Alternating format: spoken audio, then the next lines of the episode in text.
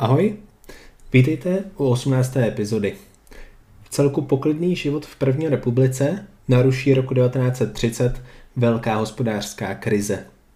Ale abychom pochopili, co velká hospodářská krize vůbec znamenala, tak se musíme podívat na to, jak české země vypadaly, jak byli zdejší lidé bohatí a s jakými ekonomickými problémy se zejména Češi potýkali. A kde jinde začít, než u Rakouska-Uherska? České země byly, alespoň co se hospodářství týče, středně vyvinutou zemí, někde na úrovni Francie. Ovšem i tak byl běžný francouz dvakrát tak bohatý, co běžný Čech nebo český Němec. České země se musely spoléhat na vídeňské banky. Češi se tak nemohli obejít bez peněz, které šly většinou od českých, německých nebo rakouských Němců, ale velmi často i od Židů, zejména od Rothschildů. Postupem času byly na vzestupu ale i české banky. Češi se snažili nebýt závislí na Němcích a tak se tradovalo heslo, že přežití závisí na hospodářské soběstačnosti. Český kapitál se zvyšoval, ale nebyl ani blízko tomu vídeňskému. Ve výsledku tak české země, kde tvořili většinu obyvatel Češi, ovládali německé podniky. Němci vlastnili okolo 70% firem. Takže když máme například Škodové závody v Plzni, Vítkovické železárny nebo Baňskou a hutní společnost na Ostravsku, tak to všechno bylo vlastněno Němci. Po první světové válce a vzniku první republiky bylo potřeba se už dále nespoléhat na zahraniční peníze.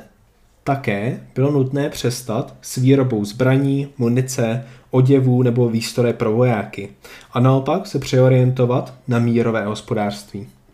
V roku 1920 i 1919 se ale Československu nedařilo dostat se na předváčnou úroveň vyspělosti. Nebylo co jíst. Lidé se bouřili a vyhrožovali zejména židům.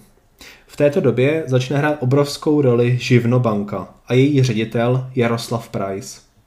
Živnobanka totiž začala skupovat německé firmy a z pomoci státu začaly zápasit o podíly ve společnostech, aby tam Češi měli převahu nad Němci. Priceovi pomáhal zejména ministr financí Alois Rašín a společně se jim podařilo převést většinu firm do českých rukou, a to do poloviny 20. let. Slovensko i podkarpatská Rus byly oproti českým zemím velice zaostalé. V obou zemích byla situace velice odlišná.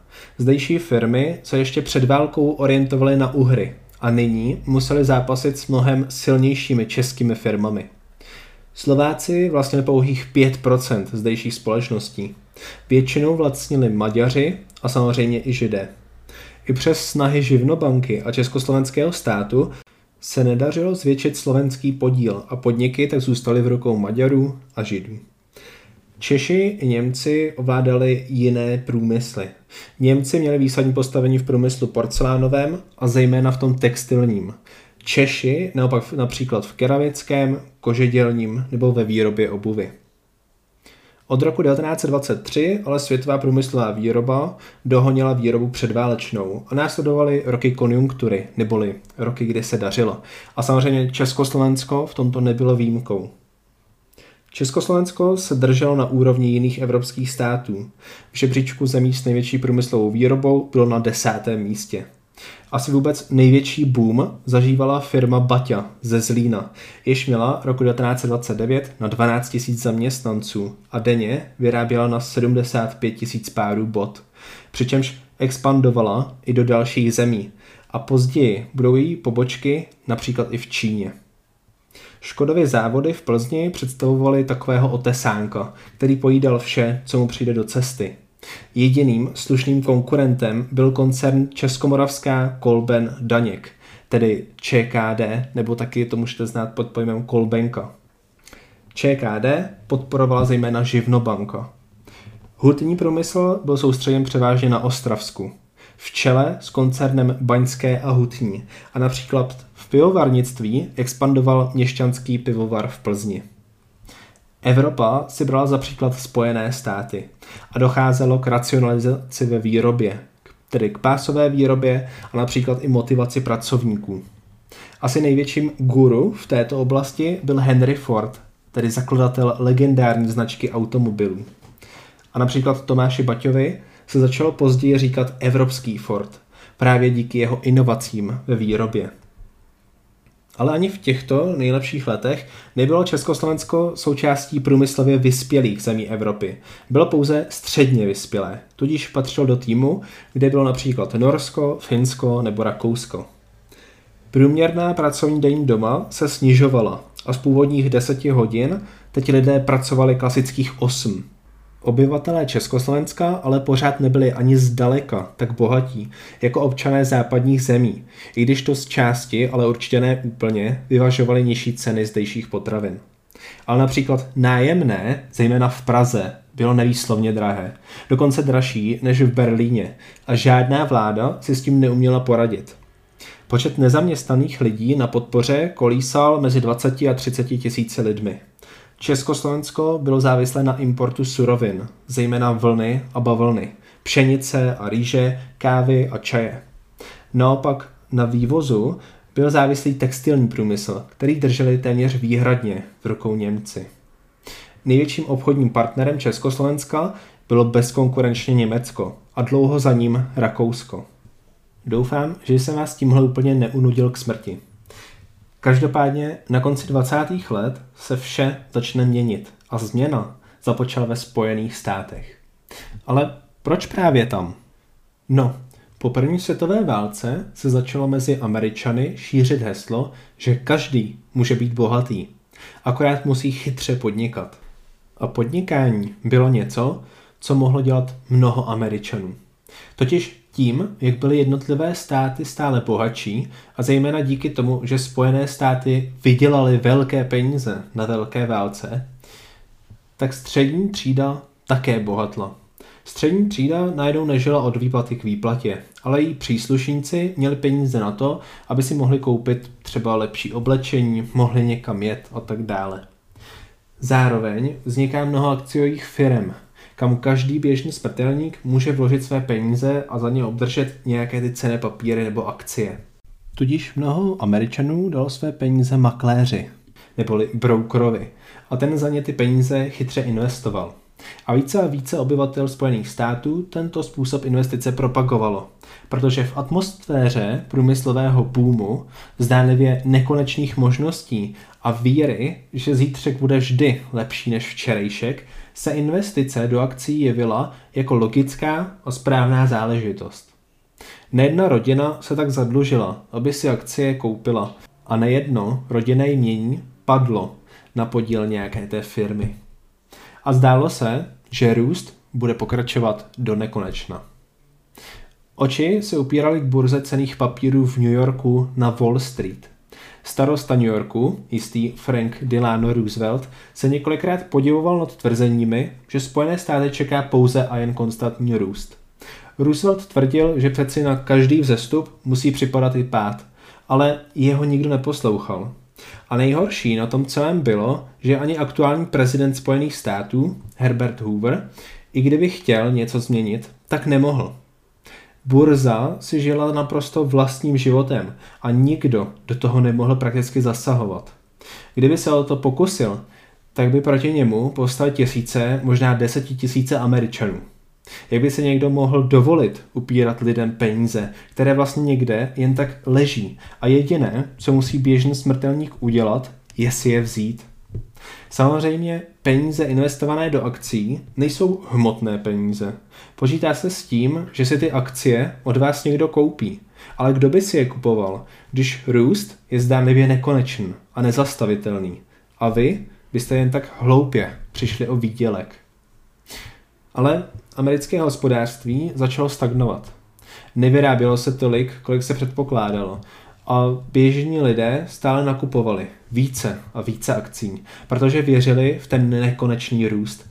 A tak vznikla situace, kdy byla tato bublina udržována prostou vírou. Pokud by se nyní hodně lidí rozhodlo stáhnout své peníze, tak nastane pád. A 24. října 1929 došlo k propadu ceny akcí. Tento den vešel ve známost jako černý čtvrtek, ale pořád se nejednalo o takovou katastrofu. Přece jenom mohl to být jen nějaký krátký pád a zase se všechno napraví. O víkendu byl v celku klid a předpokládalo se, že se příští týden vše vylepší. O sobotě a neděli si ovšem mnoho lidí rozmyslelo, jestli chtějí v, miz- v biznesu zůstat. A tak jich mnoho své investice stáhlo. Zašlo tak obrovské šílenství, kdy se některé akcie prodávaly za naprosto jakoukoliv cenu. Navíc začaly tradovat vymyšlené historky, že makléři páchají sebevraždy a to ještě více vyděsilo obyčejné američany, kteří požadovali své peníze naspět. Ani následné pokusy bank nezachránili zhoršující se situaci a postupně začaly krachovat firmy a lidé přicházeli o práci. Banky v tom celém koloběhu byly namočené taky. Konec konců právě banky půjčovaly lidem nemalé suby na to, aby mohli investovat. Spojené státy začaly následně stahovat peníze ze zámoří a to se nejvíce dotklo Německa, které na americkou výpomoc spoléhalo. Navíc bylo Německo ovlivněno americkou kulturou a i mnoho Němců investovalo do akcí. Takže jakmile začne velká hospodářská krize dopadat na Spojené státy, tak jako domino to povede k zhoršení ekonomické situace všude. A samozřejmě Německo bylo hlavní obchodní partner Československa. Takže, i když si to mnoho lidí nechtělo přiznat, tak občanů Československa se krize dotkne opravdu hodně. No a takovýmto obloukem jsme se dostali zpět tam, kde jsme v minulé epizodě skončili. U moci je vláda Františka udržela, podporovaná takzvanou širokou koalicí, kde byla levice, pravice, Němci, ovšem nebyla tam slovenská ludová strana. V průběhu roku 1930 začal krizi pocitovat nejdříve venkov. Zemědělci vyprodukovali často více, než byli později schopni prodat a tak se běžně prodávalo pod výrobní hodnotou. Agrárníci, jakožto nejsilnější strana, se snažili venkovu pomoci. Konec konců agrárníci měli hájet zejména zájmy venkova. Postupem času ale za to byli více a více kritizováni. Krize začala dopadat velmi těžce, zejména na průmysl a hlavně na české Němce. Vzpomeňte si, čeští Němci ovládali například textilní průmysl, který byl závislý na odbytu Německa. A když teď Německo nic nekoupí, tak to čeští Němci opravdu pocítí. Tím, jak se situace Němců zhoršovala a voliči byli stále naštvanější, tak německé strany byly stále agresivnější a pokoušeli se vydobít, když už, tak alespoň nějaké národnostní ústupky. Zejména čeští fašisté a šovinisté využívali napjaté situace a nadávali tak na české Němce. Situace se zhoršovala a napjatá atmosféra vyústila velké lidové bouře. Rozbuškou se stalo promítání německého filmu Dvě srdce v tříčtvrtečním taktu. Ten byl promítán pouze v Němčině a německá populace si ji naprosto zamilovala. Snímek začaly následně uvádět i další kina po celém Československu. To se nelíbilo právě českým šovinistům a fašistům, kteří začali demonstrovat, skandovat proti německá a protižidovská hesla a požadovat stažení filmu, jelikož se podle nich jednalo o urážku svého národa a státu.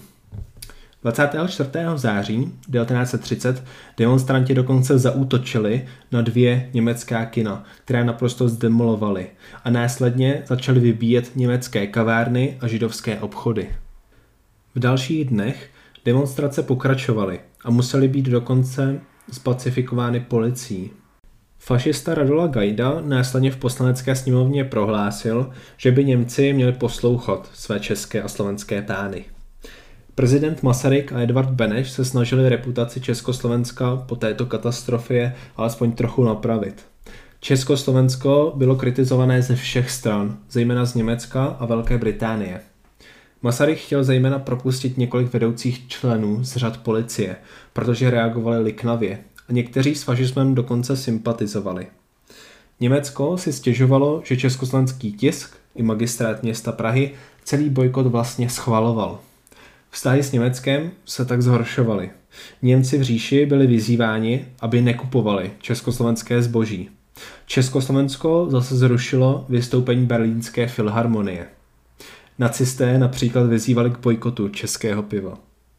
Beneš zase musel neprodleně situaci vyžehlit u Velké Británie, což se mu dařilo jen těžce.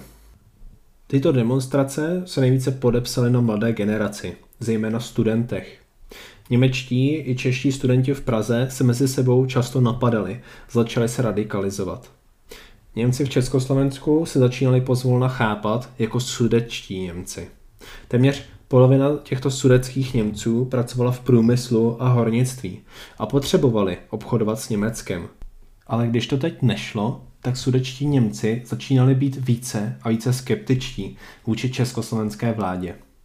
Ti radikálnější si představovali československou vládu jako bandu naprostých šílenců, kteří se ďábelsky smějí, když nějaký Němec trpí a na oslavu si připíjí krví německých novorozenat.